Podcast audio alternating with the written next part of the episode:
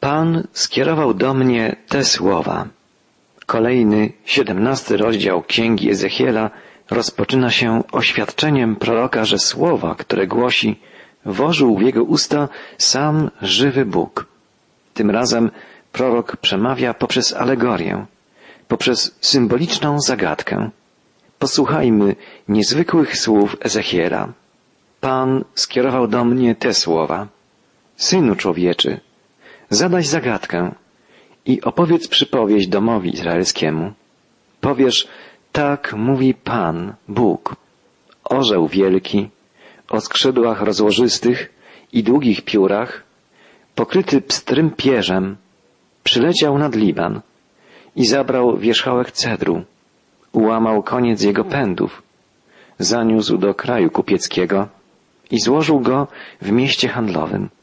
Następnie wziął szczep z tego kraju i zasadził na roli urodzajnej i umieścił go nad obfitymi wodami i zasadził jak wierzbę, by rósł i stał się bujną winoroślą, choć niskiego wzrostu, którego pędy zwracały się ku niemu, którego korzenie miały być pod nim i stał się on krzewem winnym. Wytworzył gałązki i wypuścił listowie. Wielki orzeł to symboliczny obraz Babilonu i króla babilońskiego Nebukadnezara. Ponieważ Izraelici nie chcieli słuchać proroka, gdy mówił do nich wprost, Pan polecił mu mówić poprzez alegoryczne obrazy. Symbol orła przypisany jest Babilonii w wielu innych miejscach Pisma Świętego. Na przykład prorok Jeremiasz wołał Oto się unosi jak orzeł i rozpościera swe skrzydła nad Moabem. Jeremiasz zapowiadał, że babiloński król Nebukadnezar podbije wszystkie kraje i ludy Bliskiego Wschodu. W innym miejscu księgi Jeremiasza znajdujemy takie słowa. Oto jak orzeł wzlatuje i unosi się, rozpościera swe skrzydła nad Bosra. W dniu tym serce wojowników Edomu będzie jak serce rodzącej kobiety. Bosra, Edom zostały podbite przez rosnącego w potęgę Nebukadnezara. Jego podboje zapowiadali zgodnie Jeremiasz, Ezechiel, a także Daniel. W siódmym rozdziale Księgi Daniela znajdujemy wizję Imperium Babilońskiego wyłaniającego się z morza w postaci lwa o skrzydłach orła. Nie ma więc wątpliwości, że wielki orzeł z wizji Ezechiela to potężna Babilonia za dni Nebukadnezara. Ów orzeł przyleciał nad Liban i zabrał wierzchołek drzewa, ułamał koniec jego pędów. Co symbolizuje obraz drzewa z ułamanym wierzchołkiem? Bez wątpienia Izrael, a szczególnie królewską dynastię Dawida. Ostatni król z tej linii, Sedecjasz, został zdjęty z tronu przez Nebukadnezara. Został oślepiony i uprowadzony do niewoli. Przedtem, zanim wyłupiono mu oczy, musiał oglądać śmierć swoich synów. Został więc zdetronizowany, upokorzony i pozbawiony potomków. To symbolizuje obraz orła, łamiącego i zabierającego wierzchołek drzewa. W proroczej wizji Ezechiela pojawia się jednak drugi orzeł. Czytamy, ale był inny wielki orzeł, o wielkich skrzydłach i bogatym upierzeniu. A oto ów krzew z ziemi, gdzie był zasadzony, ku niemu zwrócił swe korzenie, ku niemu zwrócił swe gałązki, aby on je nawadniał. Drugi orzeł to Egipt, na którym król Sedecjasz chciał oprzeć swoją politykę, żeby móc skutecznie wystąpić przeciw Babilonowi. Egipt był w tamtym czasie nadal znaczącą potęgą. Jednak, jak się okazało, nie na tyle silną, by stanowić przeciwwagę dla potęgi Nebukadnezara. Wkrótce król babiloński pobił Egipt i nadzieje, które wiązano z Egiptem w Jerozolimie, prysły jak bańka mydlana. Prorok Jeremiasz, a także prorok Ezechiel przestrzegali judzkich władców przed sprzymierzaniem się z Egiptem. Ich ostrzeżenia okazały się słuszne. Wiemy, że potem, po upadku Jerozolimy, reszta ubogich Judejczyków udała się wbrew ostrzeżeniom proroka Jeremiasza do Egiptu, i tam dosięgła ich ręka króla babilońskiego. Z relacji ksiąg królewskich i kronik wiemy, że ostatni król judzki Sedecjasz został osadzony na tronie w Jerozolimie przez Nebukadnezara i babiloński król dał Sedecjaszowi pewien zakres autonomii pod warunkiem, że będzie on lojalny w stosunku do Babilonu. Jednak Sedecjasz zbuntował się, wystąpił przeciwko królowi Babilonu i zwrócił się o pomoc do Egiptu. To było bezpośrednią przyczyną wejścia Babilończyków do Jerozolimy. Ezechiel woła, Pan skierował do mnie te słowa. Mówże do ludu opornego. Czy nie wiecie, co to oznacza? Oto król babiloński nadciągnął do Jerozolimy, pochwycił jej króla i jej książąt i zaprowadził ich do siebie, do Babilonu. Wziął następnie jednego z potomków królewskich, zawarł z nim przymierze i przysięgą go związał, a co znaczniejszych uprowadził z kraju, aby królestwo było bez znaczenia, tak by więcej już nie powstało, by tak mogło trwać, zachowując warunki przymierza. On jednak zbuntował się przeciw niemu. Skierował posłów do Egiptu, aby mu dano koni i liczne oddziały. Czy mu się to powiedzie? Czy ocali się ten, który tak postępuje? Czy ten się ocali, co złamał przymierze? Było to znamienne, że nie król babiloński, ale Sedecjasz, król judzki, z linii Dawida, złamał przymierze, które gwarantowało względny pokój w Jerozolimie.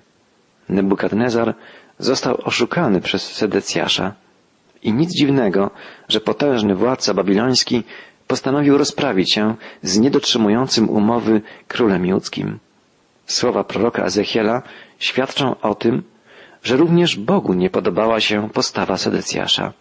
Prorok woła, na moje życie, wyrocznia Pana, Boga, w siedzibie tego króla, którego wprowadził na tron, a wobec którego przysięgi nie dochował i złamał warunki przymierza, u niego w Babilonie umrze.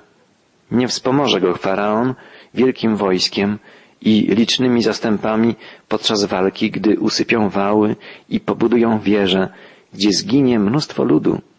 On odrzucił przysięgę i złamał przymierze, bo rękę swą do tego przyłożył. On to wszystko uczynił. Nie ocali się. Dlatego tak mówi Pan Bóg. Na moje życie, skutki odrzucenia mojej przysięgi i złamania mego przymierza sprowadzę na jego głowę.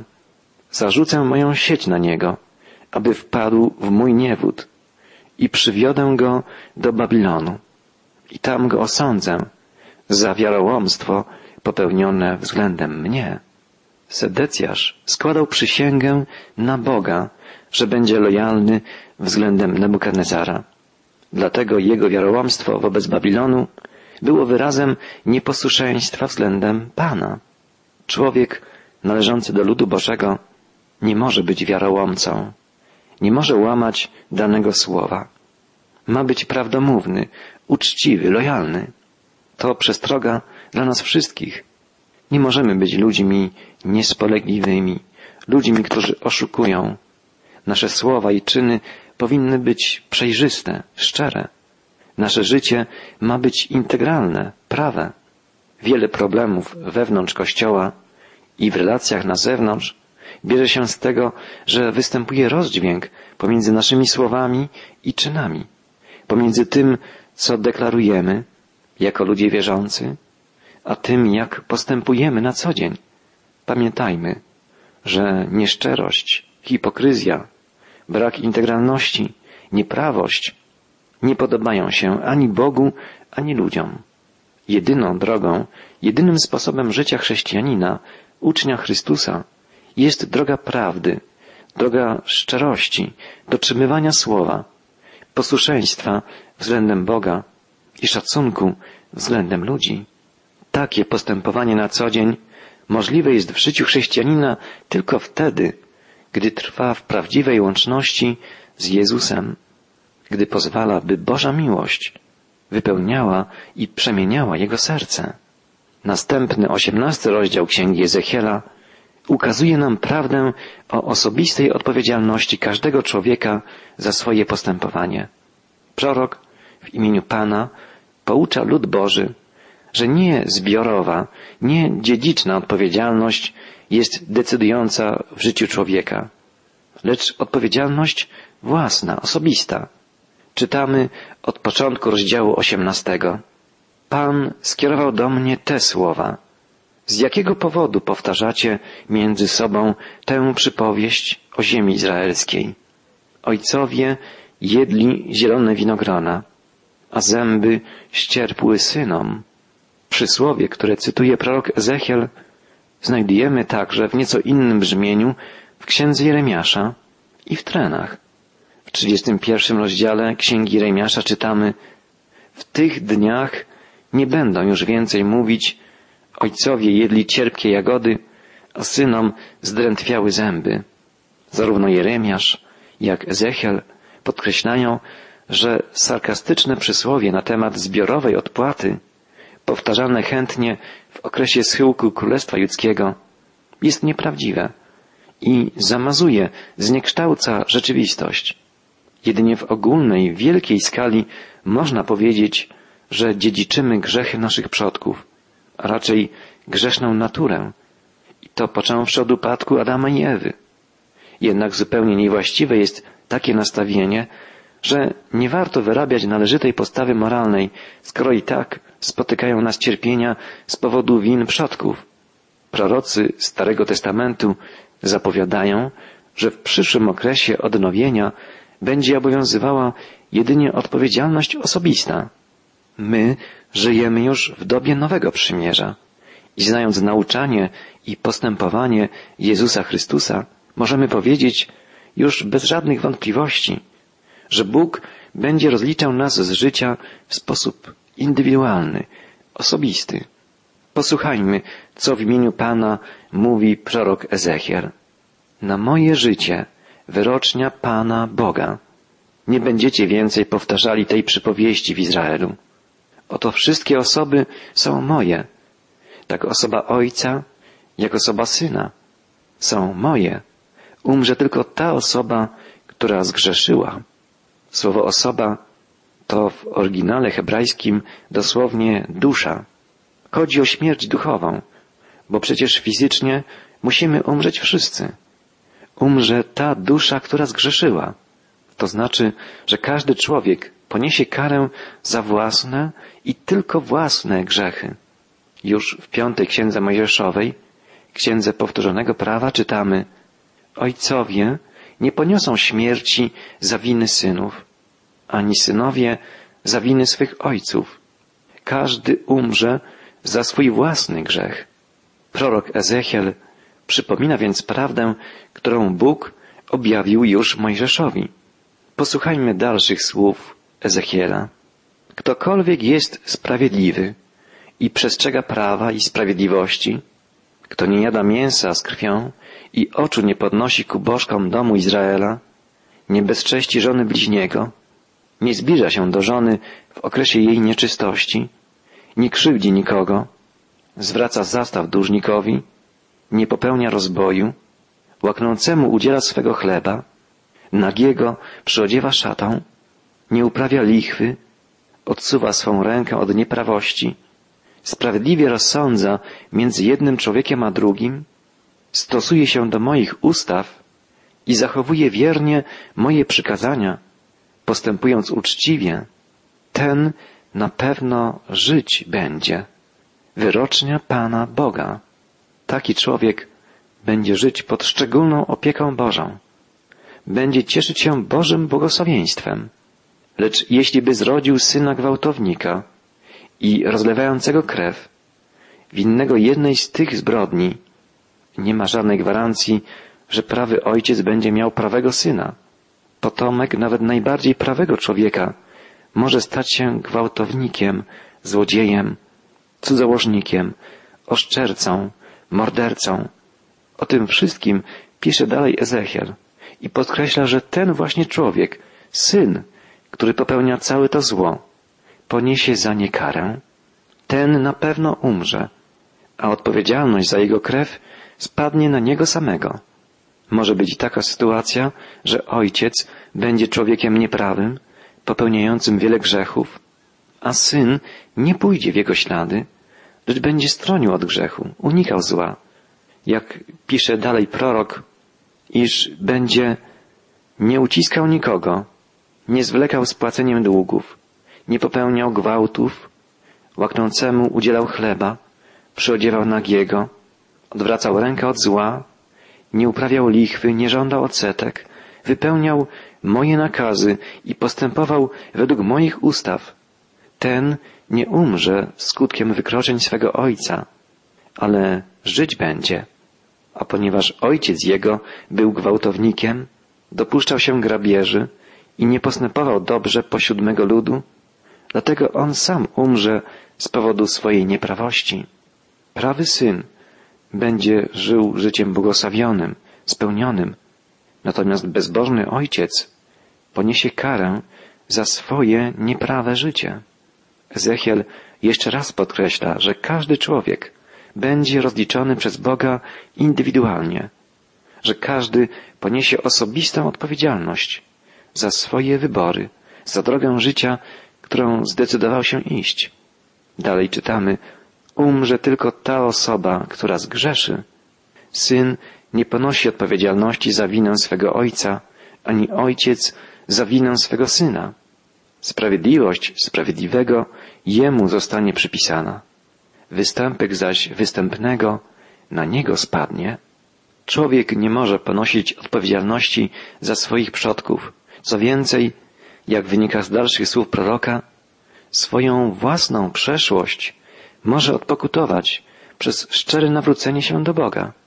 A jeśli by występny porzucił wszystkie swoje grzechy, czytamy dalej, które popełniał, a strzegł wszystkich moich ustaw i postępowałby według prawa i sprawiedliwości, żyć będzie i nie umrze, nie będą mu poczytane wszystkie grzechy, jakie popełnił, lecz będzie żył dzięki sprawiedliwości, z jaką postępował. Czyż tak bardzo mi zależy na śmierci występnego, wyrocznia Pana Boga, a nie raczej na tym, by się nawrócił i żył? To jest najważniejszy, największy Boży cel, by grzesznik się upamiętał, by się nawrócił, by żył. W Nowym Testamencie czytamy, że w niebie wybucha wielka radość, gdy nawraca się choć jeden grzesznik. Przekonujemy się, że już Stary Testament przekazuje nam prawdę, iż największą radością dla Boga jest to, gdy grzeszny, zmierzający ku zatraceniu człowiek zawraca ze złej drogi, zwraca się ku Bogu i nawraca się do Pana całym sercem. Czyż tak bardzo mi zależy na śmierci występnego? Wyrocznia Pana Boga, a nie raczej na tym, by się nawrócił i żył? To pytanie stawia prorok w imieniu żywego Boga. Jest to świadectwo, iż Bóg jest niezmiennym, wiecznym dawcą życia, Bogiem Stwórcą i Bogiem Zbawicielem. Zapłatą za grzech jest śmierć, ale darem łaski Bożej jest życie wieczne w Jezusie Chrystusie, Panu naszym. Bóg przygotował plan zbawienia, dzięki któremu każdy człowiek, nawet najbardziej grzeszny, gdy upamięta się i uchwyci Boga całym sercem, będzie dzięki Jego łasce żył wiecznie. To wspaniała nowina, wspaniałe dzieło zbawienia. Na koniec Boży prorok woła, odrzućcie od siebie wszystkie grzechy, któreście popełnili przeciwko mnie i utwórzcie sobie nowe serce i nowego ducha. Dlaczego mielibyście umrzeć, domu Izraela? Ja nie mam żadnego upodobania w śmierci. Wyrocznia Pana Boga. Zatem nawróćcie się, a żyć będziecie. Te przejmujące Boże słowa przekonują nas niezbicie, że Bóg pragnie, byśmy żyli. Pan pragnie, byśmy żyli szczęśliwie teraz, w doczesności i potem w wieczności. Śmierć jest nieprzyjacielem Boga. Czytamy w Biblii, że kiedyś, gdy Chrystus powróci, pokona wszystkich nieprzyjaciół Bożych, w tym śmierć.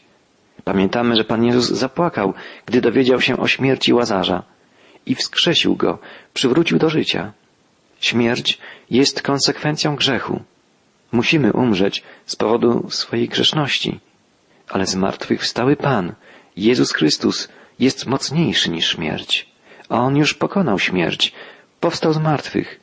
I kiedyś, w ślad za Nim, w mocy Ducha Świętego, powstaną wszyscy ci, którzy zasnęli, wierząc w Niego, jako swego Pana i Zbawiciela.